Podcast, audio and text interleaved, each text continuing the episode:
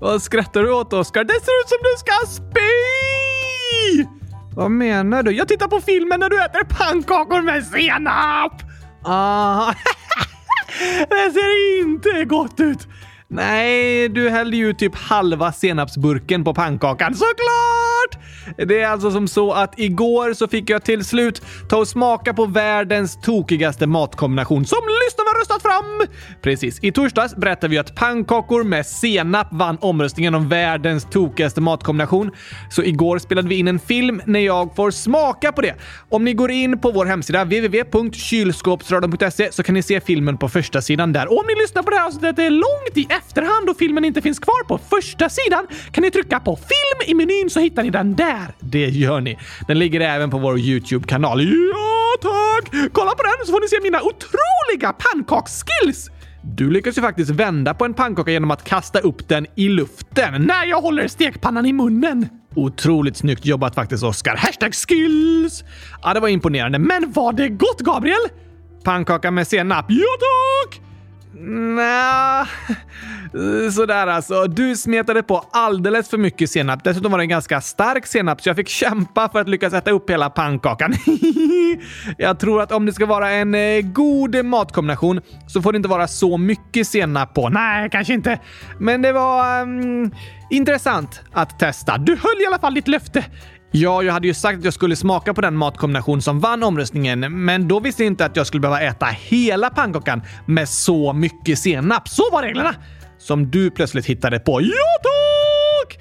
Eh, men, men. Tack till alla som röstade i omröstningen. Det blev en väldigt tokig vinnare. Det blev det verkligen. Men i filmen insåg jag något nytt som jag är allergisk mot. Senap? Nej, nej, nej. Just det. Du menar när jag sätter på spisen? Ja, tack! Jag har ju en eh, gasspis i lägenheten när jag bor i här i Barcelona. Filmen var ifrån vår lägenhet. Ja, precis. Där fick ni se lite hur vi bor. Det var ju bara två hörn med i filmen, så inte så mycket att se kanske. Eh, sant. Inte ens en kylskåpsteckning på väggen fanns det! Nej, vi har en annan tavla. Men eh, på en gasspis så är det liksom en levande låga som värmer grytorna och stekpannorna och det är jag allergisk mot! Nah, du påstår att du är allergisk mot eld. Ja, för om jag rör vid eld börjar jag brinna! Det är sant, men inte riktigt en allergi. Jo, det är jättefarligt för mig med eld. Ja, men alltså jag kan inte heller röra vid eld. Alla människor behöver vara försiktiga med eld. Det kan vara farligt, men du börjar väl inte brinna? Kanske inte på samma sätt som du gör, men eh, mitt hår kan ju börja brinna, så du får inte duscha med eldschampo. Eh, nej, verkligen inte. Tänk att jag är allergisk mot både eld och mot vatten! Inget av dem är en allergi, Oskar, men jag börjar ju brinna och så blir jag jätteblöt! Ja, eh, det är ju allvarligt, fast jag är nog ändå mer allergisk mot eld än mot vatten. För om jag blir blöt kan jag ju torka igen, även om jag blir väldigt blöt. Men om jag brinner upp kommer jag inte tillbaka. Du är ju en docka som är gjord av bomull, så du är ganska brandfarlig. Är jag farlig? Eh, alltså, det är farligt för dig med eld. Just det! Jag är extremt allergisk mot eld! Det är ingen allergi, men eld är farligt för dig. Det håller jag med om. Det är nog bäst att jag håller mig ifrån gasspisen. Ja, det var lite farligt när du höll i stekspaden med munnen igår och dina armar bara hängde och dinglade för du åkte nästan din hand in i elden. Nej! Framöver ska jag bara laga mat med frusna gurkor och glass och aldrig använda spisen. Det kanske ändå är säkrast. När jag är sugen på stekta gurkor, Gabriel, då får du hjälpa mig. Det kan jag göra, Oskar.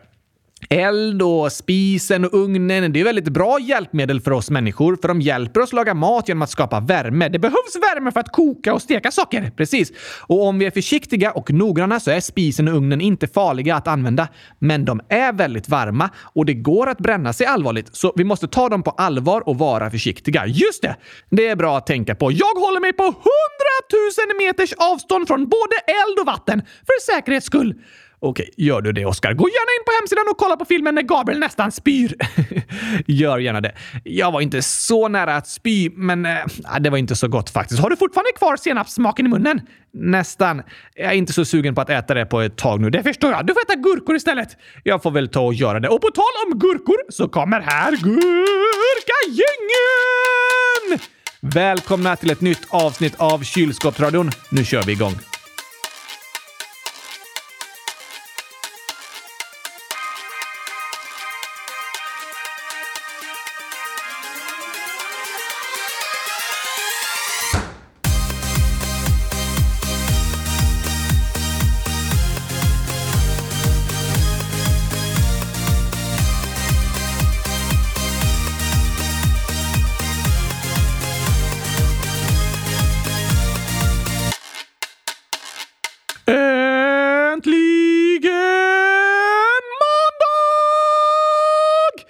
Och äntligen avsnitt 100 342 av Kylskåpsradion. Den 6 maj! Just det, det kallar du ju månaden mars för eftersom det är glassens dag snart. Det gillar du. Så mums blir ett bra nytt namn på månaden. Det är ett enstavigt ord som börjar på M, så det påminner om det gamla namnet men är mer verklighetstroget. Ja, och du presenterade ju namnet förra året, men lyssnarna har uppmärksammat att det finns en choklad som heter Mars och när du bytt namn på månaden från Mars till Mums låter det som att du tycker chokladen är Mums. Det blir ju lite tokigt. Ah, Asså! Det är inte därför månaden heter Mums. Det är på grund av glassens dag. Just det, men eftersom det är min positiva månad så har jag inget ont att säga om chokladen Mars heller för den delen. Jag tycker den är väldigt god. Det förstår jag att du tycker. Men jag väljer helst gurkaglass. Och glassens dag kommer om några veckor. Ja tack, det blir ett stort firande. Vad ska du göra då? Äta glass såklart! Vad annars? Ja, nej, det, det är väl klart. Men glassens dag är ju inte det enda firandet vi har i Mums månad. Vad menar du? I fredags var det dockornas dag. Just det! Vilken underbart fantastisk dag! Firar du på något särskilt sätt, Oskar? Ja, tack! Genom att vara en docka. Ah, bästa sättet att fira på? Ja, det låter det ju som. Det är ju i Japan som festivalen Hinamatsuri firas, som betyder dockfestival. Den firas bland annat genom att eh, japanerna dekorerar sina hem med traditionella dockor. Bästa sättet att fira på! Ja, den 3 mars är flickornas dag i Japan och den har fått namnet dockfestival. Just det! I avsnitt 100 143 pratar vi om Japan och berättar då om dockornas dag och sen så har vi börjat uppmärksamma den varje år när den kommer den 3 mars. Vi har rest till många spännande länder här i podden alltså. Det har vi verkligen gjort. Ni som är nya lyssnare lyssnare kan scrolla bakåt i vårt poddflöde så hittar ni massor av avsnitt om olika länder, historiska personer, djur och andra särskilda teman som dinosaurier. Det är vårt mest populära avsnitt faktiskt. Och spännande intervjuer och såklart skämtavsnitt finns det också! Precis, skämtavsnitten också väldigt populära. Och nu har ju kylskåpsradion passerat 450 avsnitt, så det finns väldigt mycket spännande och intressant att lyssna på. 450! Men det är ju avsnitt 100 342 idag! Ja, men det är den vanliga avsnittsordningen. Om vi räknar med julkalendrarna så är vi uppe i 451 avsnitt. Oh la la! Eller 452 blir det ju med det här avsnittet. Oh la la! Uppe till två! Om ni lyssnar på Spotify eller en annan podcastapp så ligger alla avsnitt där i en lång lista så ni kan scrolla bakåt och leta upp ett tema ni tycker låter spännande. Gör det! Till exempel om Japan och dockornas dag. Till exempel. Men idag ska vi börja med att prata lite om människokroppen. Aj då! Passar det inte bra? Jo, men jag har liksom ingen människokropp, så jag är inte så bra på att prata om den. Ah, du menar så. Jag kan inte tillföra något till avsnittet. Nej, men du kan ju ställa frågor och sånt. Sant! Det är jag faktiskt väldigt duktig på. Det är du verkligen, Oskar. Vet du varför jag är så duktig på att ställa frågor? Nej, för jag fattar nästan ingenting. Ah, okej. Okay. Därför blir jag väldigt duktig på att ställa frågor. Smart. Det är faktiskt väldigt smart att ställa frågor när ni inte fattar. Det är supersmart och superbra att göra. Det är alltid okej att ställa frågor om det är något en inte förstår eller vill få förklarat. Ja, tack! Så du kan vara med i dagens avsnitt även om du inte har en egen människokropp, Oskar. Jag kan berätta lite om en dockas kropp också. Ja, det kan du göra. Är det något särskilt du vill berätta om? Ehm, jag har knappar på benen så jag kan knäppa loss dem och sätta på dem igen. Just det. Kan du göra det, Gabriel? Nej, eh, människor kan inte knäppa loss benen och sätta på dem igen. Nähä, har du ett hål i magen då? Hål i magen? Ja, som mitt hål där du stoppar in armen. Du menar det? Nej, jag har inget sånt hål i min mage heller. Är det ingen som styr dig? Det är det inte. Intressant! Ja, handdockor och människor är ganska olika när det kommer till hur våra kroppar ser ut. Det har du rätt i!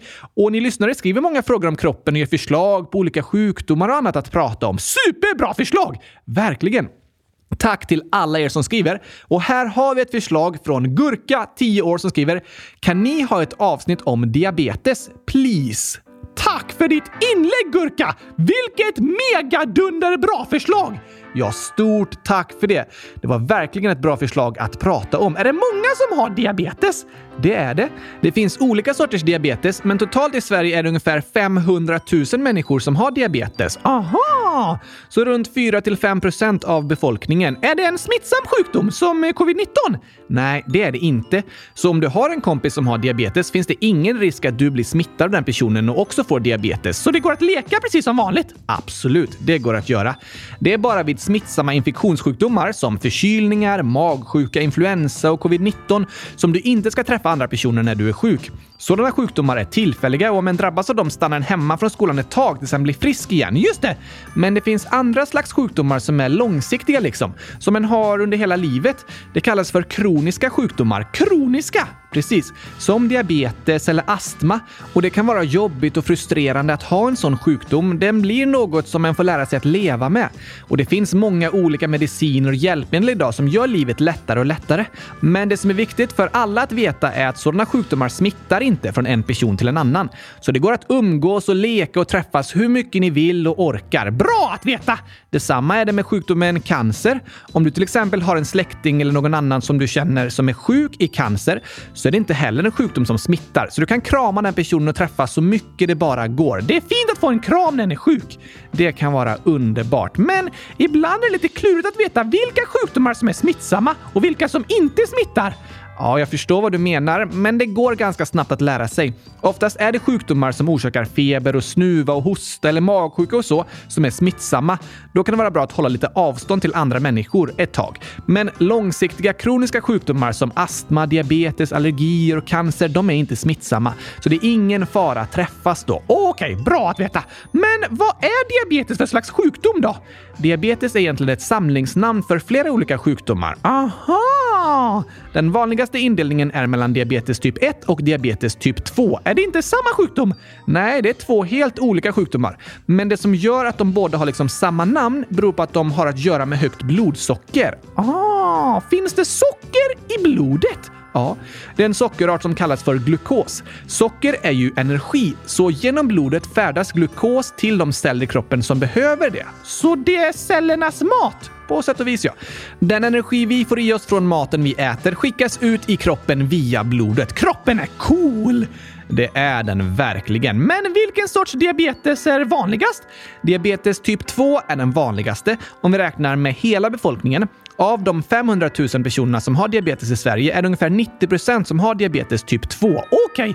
Och det beräknas att det finns runt 150 000 personer som har odiagnostiserad diabetes. Odisk eh, vadå? När sjukvården upptäcker att du har en sjukdom så får du en diagnos kallas det. Aha! Men det är ju inte då du får sjukdomen. Du kanske har haft den länge fast den har aldrig upptäckts. Just det! Så det finns människor som har en sjukdom men som inte vet om att de har den sjukdomen. Det är inte så bra. Nej, det är det inte. För då kan de drabbas av jobbiga symptom under lång tid utan att veta varför och utan att få rätt mediciner och hjälp och behandling. Sant! Så om du har en särskild sjukdom är det väldigt skönt att få en diagnos så att du kan få hjälp och börja må bättre. Ja tack! Och det finns faktiskt många vuxna som har typ 2-diabetes utan att veta om det. Hur går det att få veta det? Oftast får de reda på det genom att de söker hjälp för att de mår dåligt av olika symptom. Och så kanske de på sjukhuset tar ett blodprov och upptäcker att de har diabetes. Aha! Finns det många barn som har typ 2-diabetes? Det finns också, men oftast får barn typ 1-diabetes. Okej? Okay? Vid typ 1-diabetes så har kroppens egen produktion av insulin helt eller delvis slutat att fungera. Insulin! Det är ett av kroppens hormon som kontrollerar nivån av socker i blodet. Ah, jag känner det där med blodsockret. Just det. Insulin har ansvar för att blodsockret inte ska bli för högt. Hur mycket socker ska det vara i blodet? Hos en frisk person så varierar blodsockret mellan 4 till 6 millimol per liter. Jag har ingen aning om det är mycket eller lite. Nej, det är svårt att veta. Men du kan tänka att nivån ska ligga mellan 4 och 6 ungefär. Men en person som till exempel har obehandlad diabetes kan ha nivåer över 30. Oj då! Så en person som har diabetes behöver hela tiden mäta sitt blodsockervärde för att veta hur högt det är. Aha! Hur då? Det går att göra med en portabel blodsockermätare genom att sticka hål på huden så att det börjar blöda och så lägga en droppe blod på mätaren för att få veta blodsockervärdet.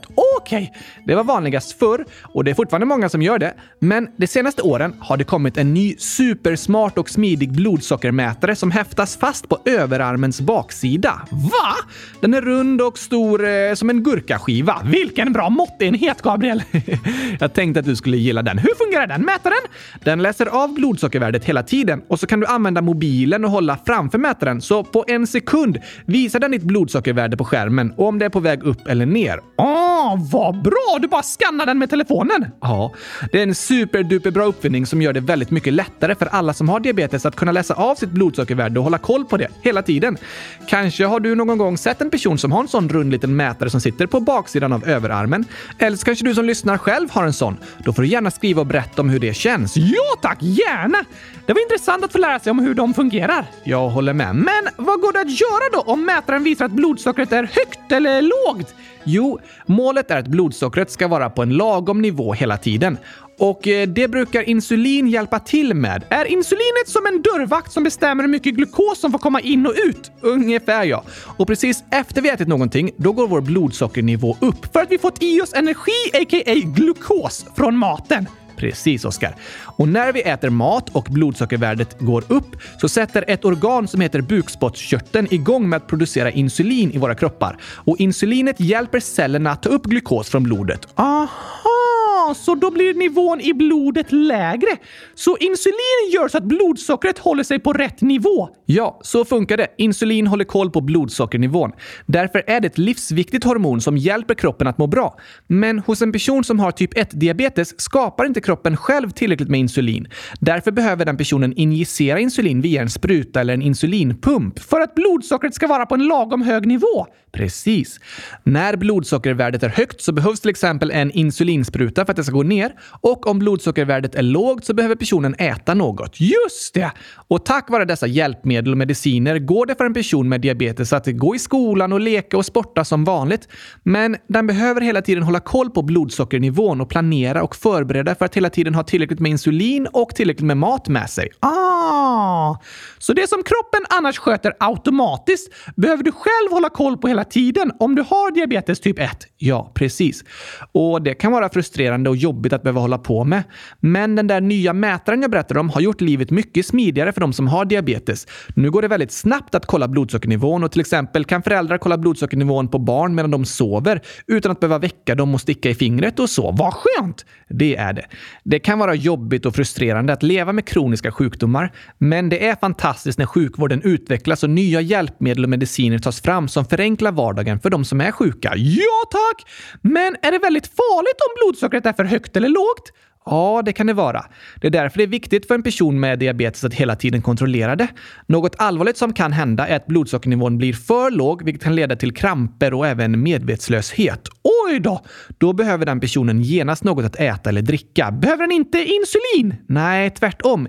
Insulin tas ju när en nyss har ätit och blodsockernivån är hög. Ja, just det! Så det är farligt att ta när blodsockret är för lågt. Istället behövs mat och socker av något slag. Många som har diabetes har till exempel ofta med sig tabletter som de kan äta när kroppen börjar bli lite låg. Smart!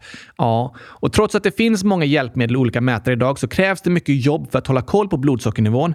För den påverkas av hur mycket du äter, vad du äter, hur mycket du rör på dig och så vidare. Just det! En person som har diabetes kan göra det som alla andra också gör, men med lite större noggrannhet. Det går att äta sötsaker, men inte för mycket på samma gång för att de gör så att blodsockret skjuter i höjden väldigt snabbt. Och det går att idrotta och sporta, men med regelbundna pauser för att fylla på med energi så att blodsockret inte blir för lågt. Ah! Det är inget konstigt att ha diabetes. Alla människors blodsockervärde går upp och ner, så en levnadsstil som en person med diabetes har kan vara nyttig även för andra. Det har du rätt i! Alla mår bra av en fruktpaus mitt i en fysisk aktivitet och alla mår bra av att inte äta för mycket sötsaker på samma gång. Den enda skillnaden är att en person med diabetes behöver hålla extra noggrann koll på sin kropp hela tiden för att kroppen inte producerar insulin som automatiskt reglerar blodsockernivån. Då förstår jag! Men varför får vissa barn typ 1-diabetes och andra får inte det?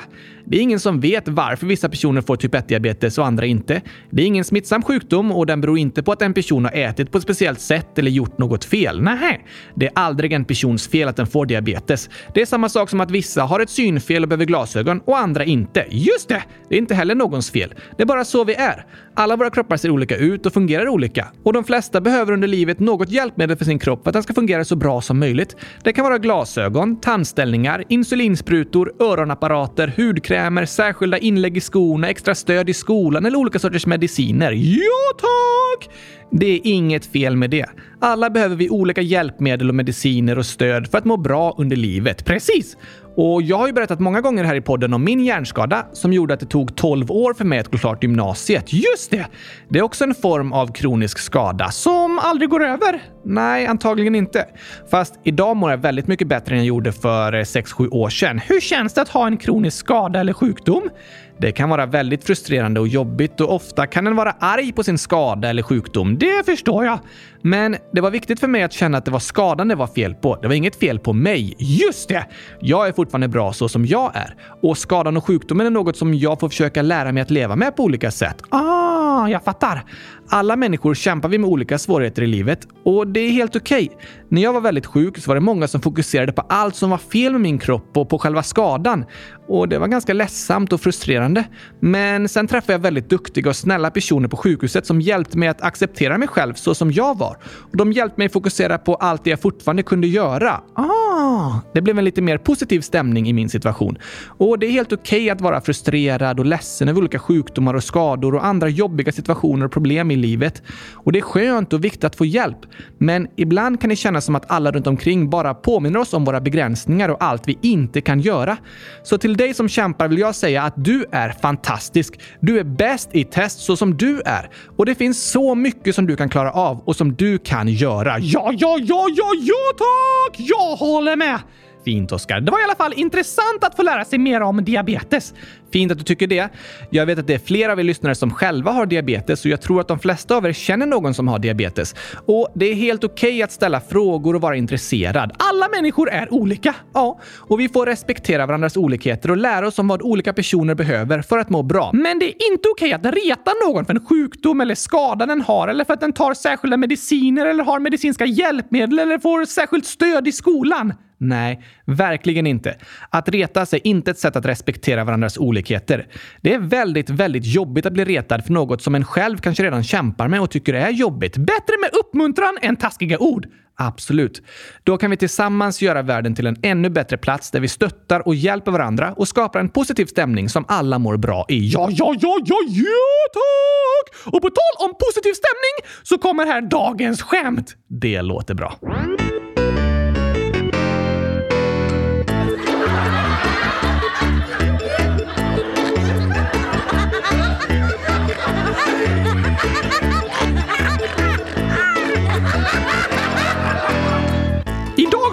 En del om socker, Gabriel. Just det, blodsocker. Så här kommer först ett godisskämt. Okej, det är Godisälskaren 10, snart 11 år, som skriver skämt. Vilken godis blir sur varje dag? Sur varje dag? Hmm, är det en godis som ser ut som något speciellt kanske? Typ en eh, chokladtomte? Varför är den sur? Eh, för att den har en tom mage så den är hungrig och sur. Det var en bra förklaring. Det är lätt att bli sur när den är hungrig. Det är ganska vanligt, ja. Men det var fel! Okej, någon annan godis. Kanske såna där eh, godiständer. Varför är de sura? För att de aldrig blir borstade. Också ett bra förslag, men inte heller rätt. Ah, nej, eh, då vet jag inte. Det är såklart den sura godisen. Ja, men vilken godis är det som är sur? Den som är sur! Surgodisen som smakar surt! Ah. Den är sur varje dag för det är en sur godis! Ja, det är den. Men den är inte sur som att den är arg liksom. Nej, den smakar surt. Precis. Tokigt skämt, godis, älskar den. Väldigt roligt faktiskt. Men det här då? Gurkan 100 000 skriver Hej! Jag har ett skämt. Vad sa bajskorven till polisen? Åh, det känner jag igen. Är du polis? Nej, så när har en bajskorv sagt något till dig? Alltså jag menar inte att jag har hört när en bajskorv pratat med mig, utan att jag menar att jag har hört skämtet tidigare. Ah! Brukar du inte höra vad bajskorvar säger? Nej, det gör jag aldrig. De kan inte prata. Eller så är det du som inte lyssnar tillräckligt noggrant. Jag tror inte det. Om du kommer riktigt nära en bajskorv en gång så kanske du hör vad den säger. Jag vill helst inte komma för nära en bajskorv efter att den har bajsats ut. Då kan du inte veta om de pratar eller inte. Jag är ganska säker ändå. Men tillbaka till skämtet. Okej, okay, det handlar i alla fall om en bajskorv som kan prata. Men vad sa den? Hmm, bajskorven sa något till polisen. Handlar något om att den varit inspärrad? I magen menar du? Ja.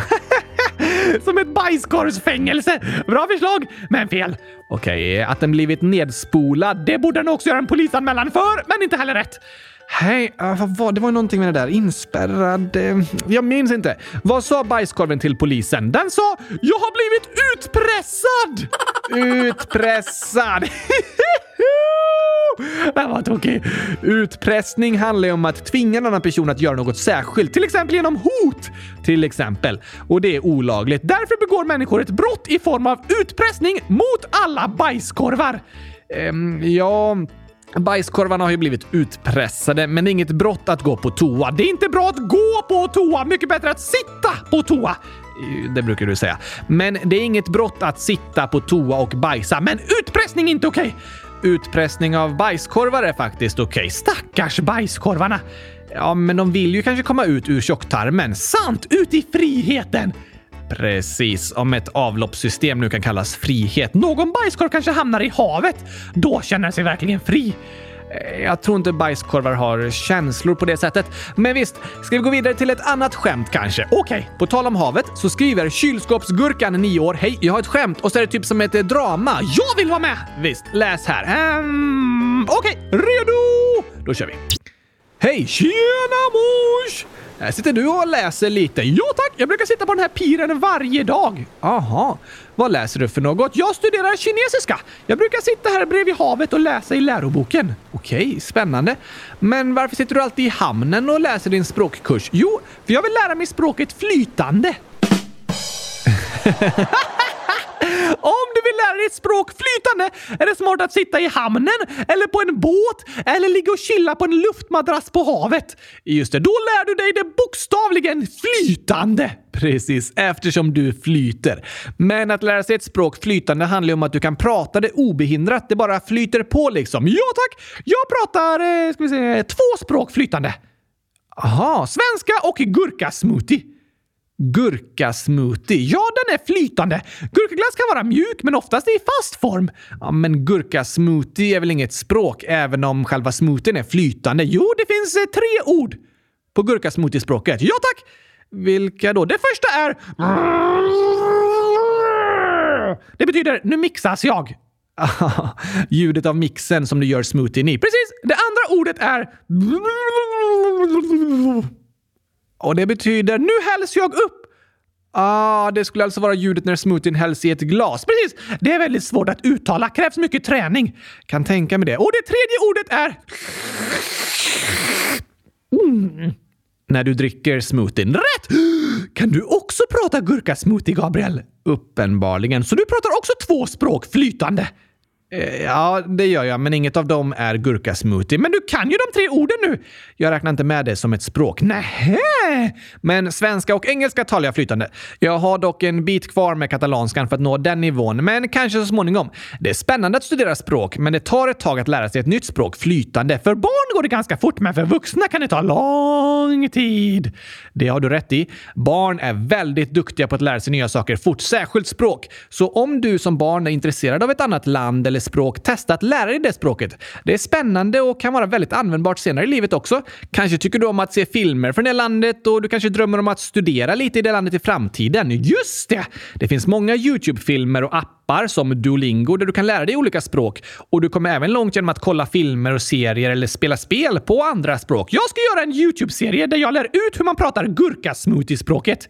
Du har ju redan lärt ut alla de tre orden som finns på det språket. Sant! Nu kan ni prata det flytande som en gurkasmoothie.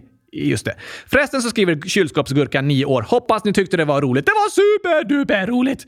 Hur många gurkor? PS hittar de tre felen och så är det 365 gurka-emojis. Nej! En för varje dag på året! Just det. Och en broccoli, en halv kokosnöt och ett glas som häller ut någon dricka. PSS, jag har nyligen fått en kanin. Tack och hej gurkapastej. Det var allt från mig. En kanin! Wow, vad roligt! Grattis till dig kylskåpsgurkan! Stort grattis! Hoppas ni kan bli bästa vänner och ge mycket kärlek till varandra. Ja, tack! På tal om att ge kärlek så är komplimanger och uppmuntran verkligen kärlek i form av ord. Det håller jag med om, Oskar, och det pratade vi lite om tidigare. Därför passar det att spela upp sången om komplipanger!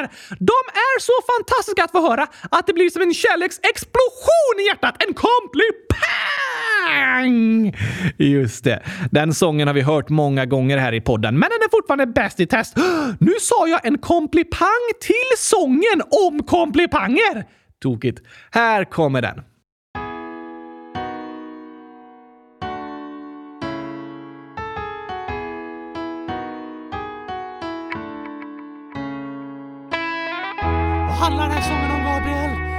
Handlar om att vi ska bli ännu bättre på att ge varandra komplimanger och uppmuntra varandra. Ja tack, det är bra grejer! Kom igen, kom igen! Nu går vi ut i världen, plantera goda frön i människor ut med hela färden. Kom igen, kom igen! Vi vill älska vår nästa, vilja deras bästa, deras gåvor bekräfta. Kom igen, kom igen! Nu ska vi kärleken sprida, inga människor ska av ord från oss behöva lida. Kom igen, kom igen! Nu bryter vi mönstret, du står i skyltfönstret, visar upp ett ordförråd fyllt av kärlek, glädje, nåd. Och när någon gör något bra så ger vi dem en stor applåd. Vi vill alltid leta rätt, inte fel. Det ska vi göra! Vi vill lyfta upp, inte trycka ner. Just det, säga bra saker, inte dåliga! Vi vill alltid leta rätt, inte fel. Vi vill lyfta upp, inte trycka ner. Dags att hitta fina saker att säga! Nu ska vi bli bra detektiver som letar rätt! Kom igen, kom igen! Leta inte efter saker att skratta åt och retas för, det lämnar sura smaker. Kom igen, kom igen! Det är som att träna för en tävling! Bli så bra du kan på att hitta något härligt! Kom igen, kom igen! I människor du möter, du kommer hitta goda egenskaper om du söker. Kom igen, kom igen! Och sen du för dem berättar vad de är bra på då du deras tankar lättar. För alla behöver komplimanger varje dag. Det är lika viktigt för oss som att äta mat. Mm, gott med mat! Och gott med komplimanger. Ja tack! Vi vill alltid leta rätt, inte fel. Kom igen, kom igen, kom igen! Lyfta upp, inte trycka ner. Nu kör vi igång det här alltså! Vi vill alltid leta rätt, inte fel. Vi ut och sprider lite kärlek här va? Vi vill lyfta upp, inte trycka ner. Och när vi ser något bra så säger vi det. Det är som att ge ett glädjepaket. Jag blir så glad alltså! Vi vill alltid leta rätt, inte fel. Se människorna för dem de Vi vill lyfta upp, inte trycka ner. Nu går vi ut och sprider När kärlek! Ser något bra så säger vi det. Glädje, glädje, det är Det är som att ge ett glädjepaket. Det är klart man blir glad om någon säger något snällt till en! Ja, alla människor mår vi bra av att få komplimanger och bli uppmuntrade av varandra. Ja, nu ser vi till att plantera goda frön istället för de där dåliga! Nu ska vi plantera goda frön.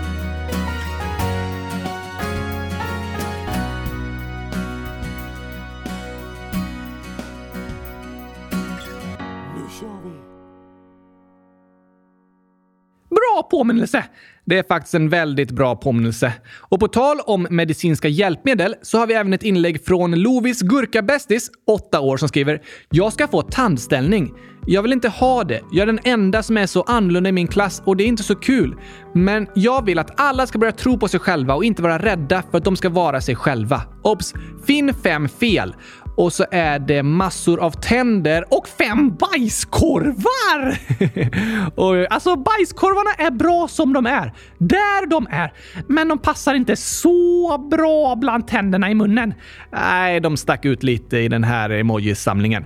Men sen så skriver Lovis Gurka Bästis I love you. I love you too! Men jag förstår vad du menar med tandställningen. Så är det många som känner. Ja, jag tror det är många andra som har tandställning som känner igen sig i det du beskriver. Ibland kan det kännas jobbigt att ha något som syns tydligt på till exempel tänderna. Det kan kännas som en sticker ut i hur en ser ut. Det är det en del som skriver och berättar om. Men jag tycker att tandställningar är superfantastiska! De är fina, coola, smarta, snälla och väldigt bra. Det är de ju faktiskt. Det är superbra att tandställningar finns så att tänderna kan sitta på bra sätt resten av livet och fungera på bästa möjliga sätt. Ja, tack!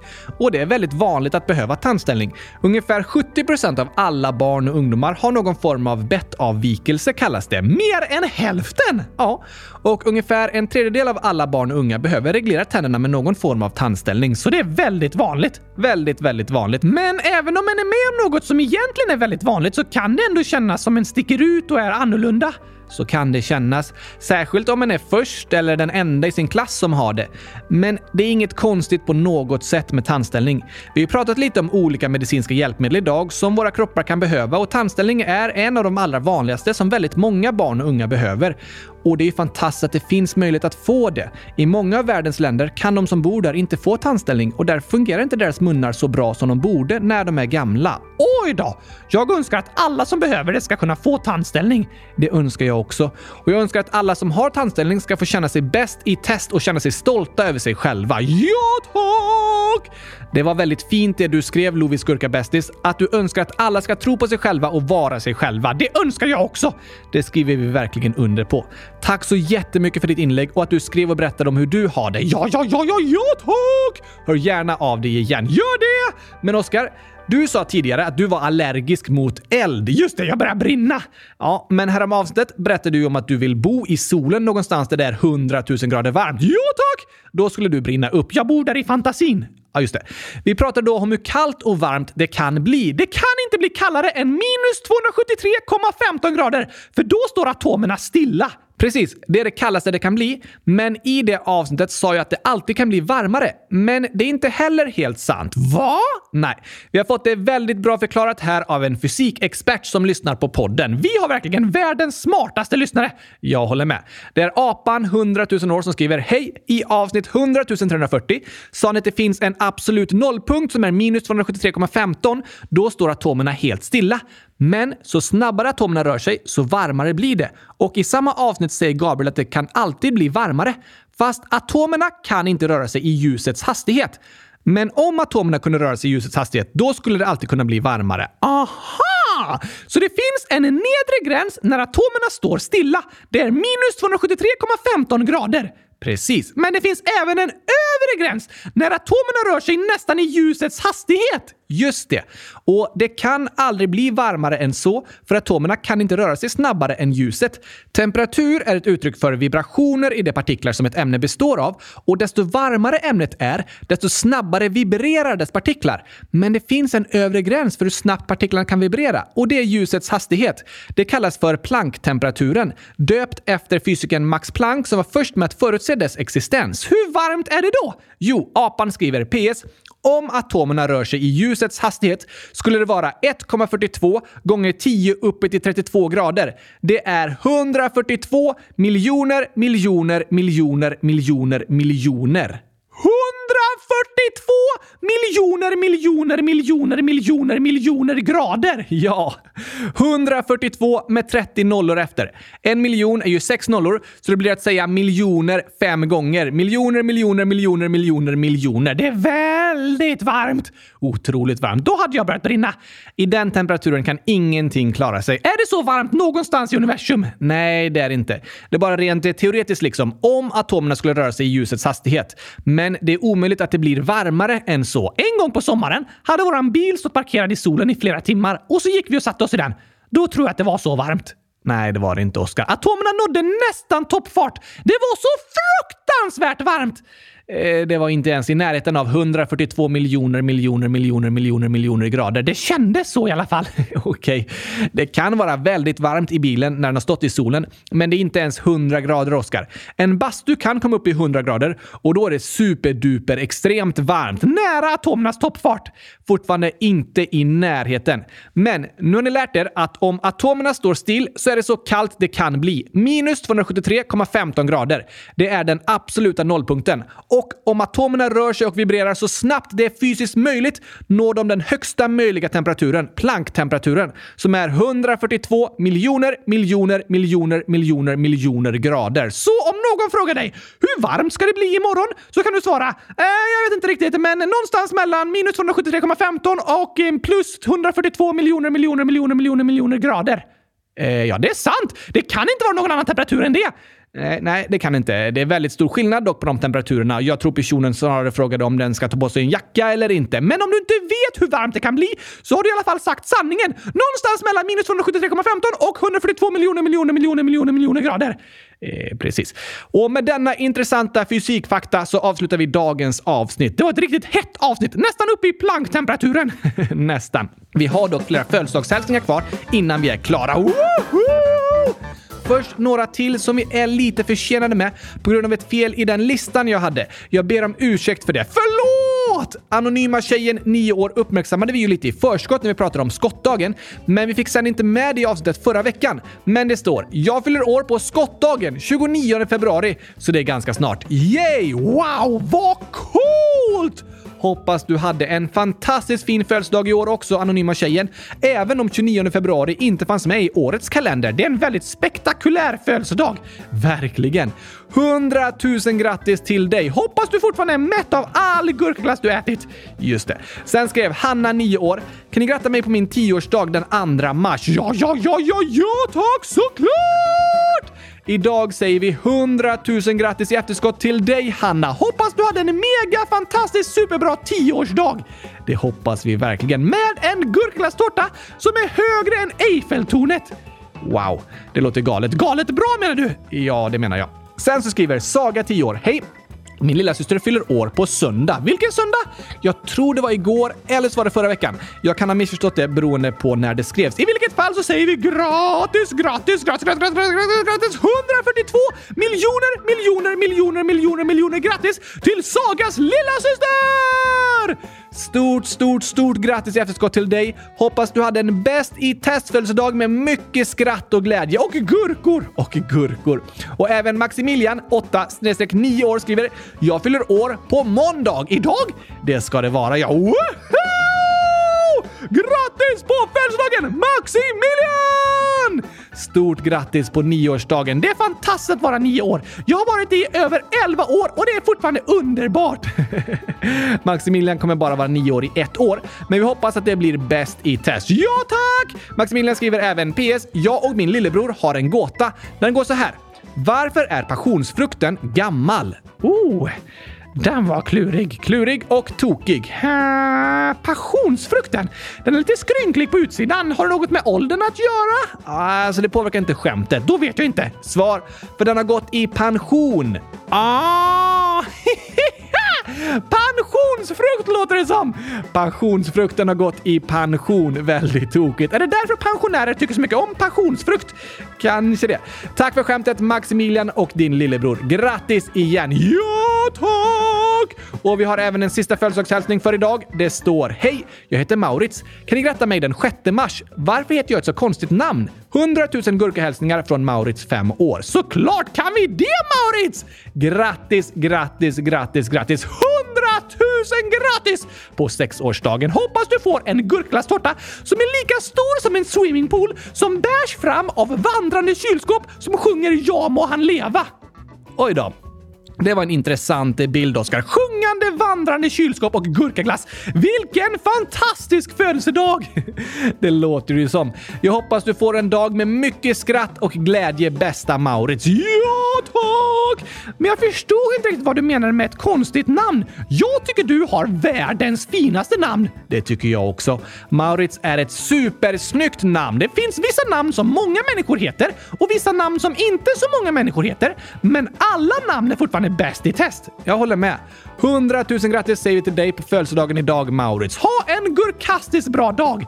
Det önskar vi dig och alla er som lyssnar. Grattis till alla som har fått sportlov! Ja, vecka 10 är det många i norra Sverige som har sportlov, som Luleå, Östersund, Sundsvall och så vidare. Hoppas ni alla får en superduper bra vecka! Det önskar vi er. Och välkomna tillbaka till skolan till er som börjar igen idag. Hoppas ni också får en superduper bra vecka såklart. Och alla andra också. Hoppas ni alla får en superduper megagigantiskt eh, gurkastiskt bra vecka. Precis. Så hörs vi igen på torsdag. Wow, jag längtar redan! Jag också. Glöm inte kolla när Gabriel nästan spyr av senapspannkakan. Just det. Den filmen ligger ute på hemsidan. kolla på den om ni känner för det. Tack och! Senapsfri gurkapastej. Hej då!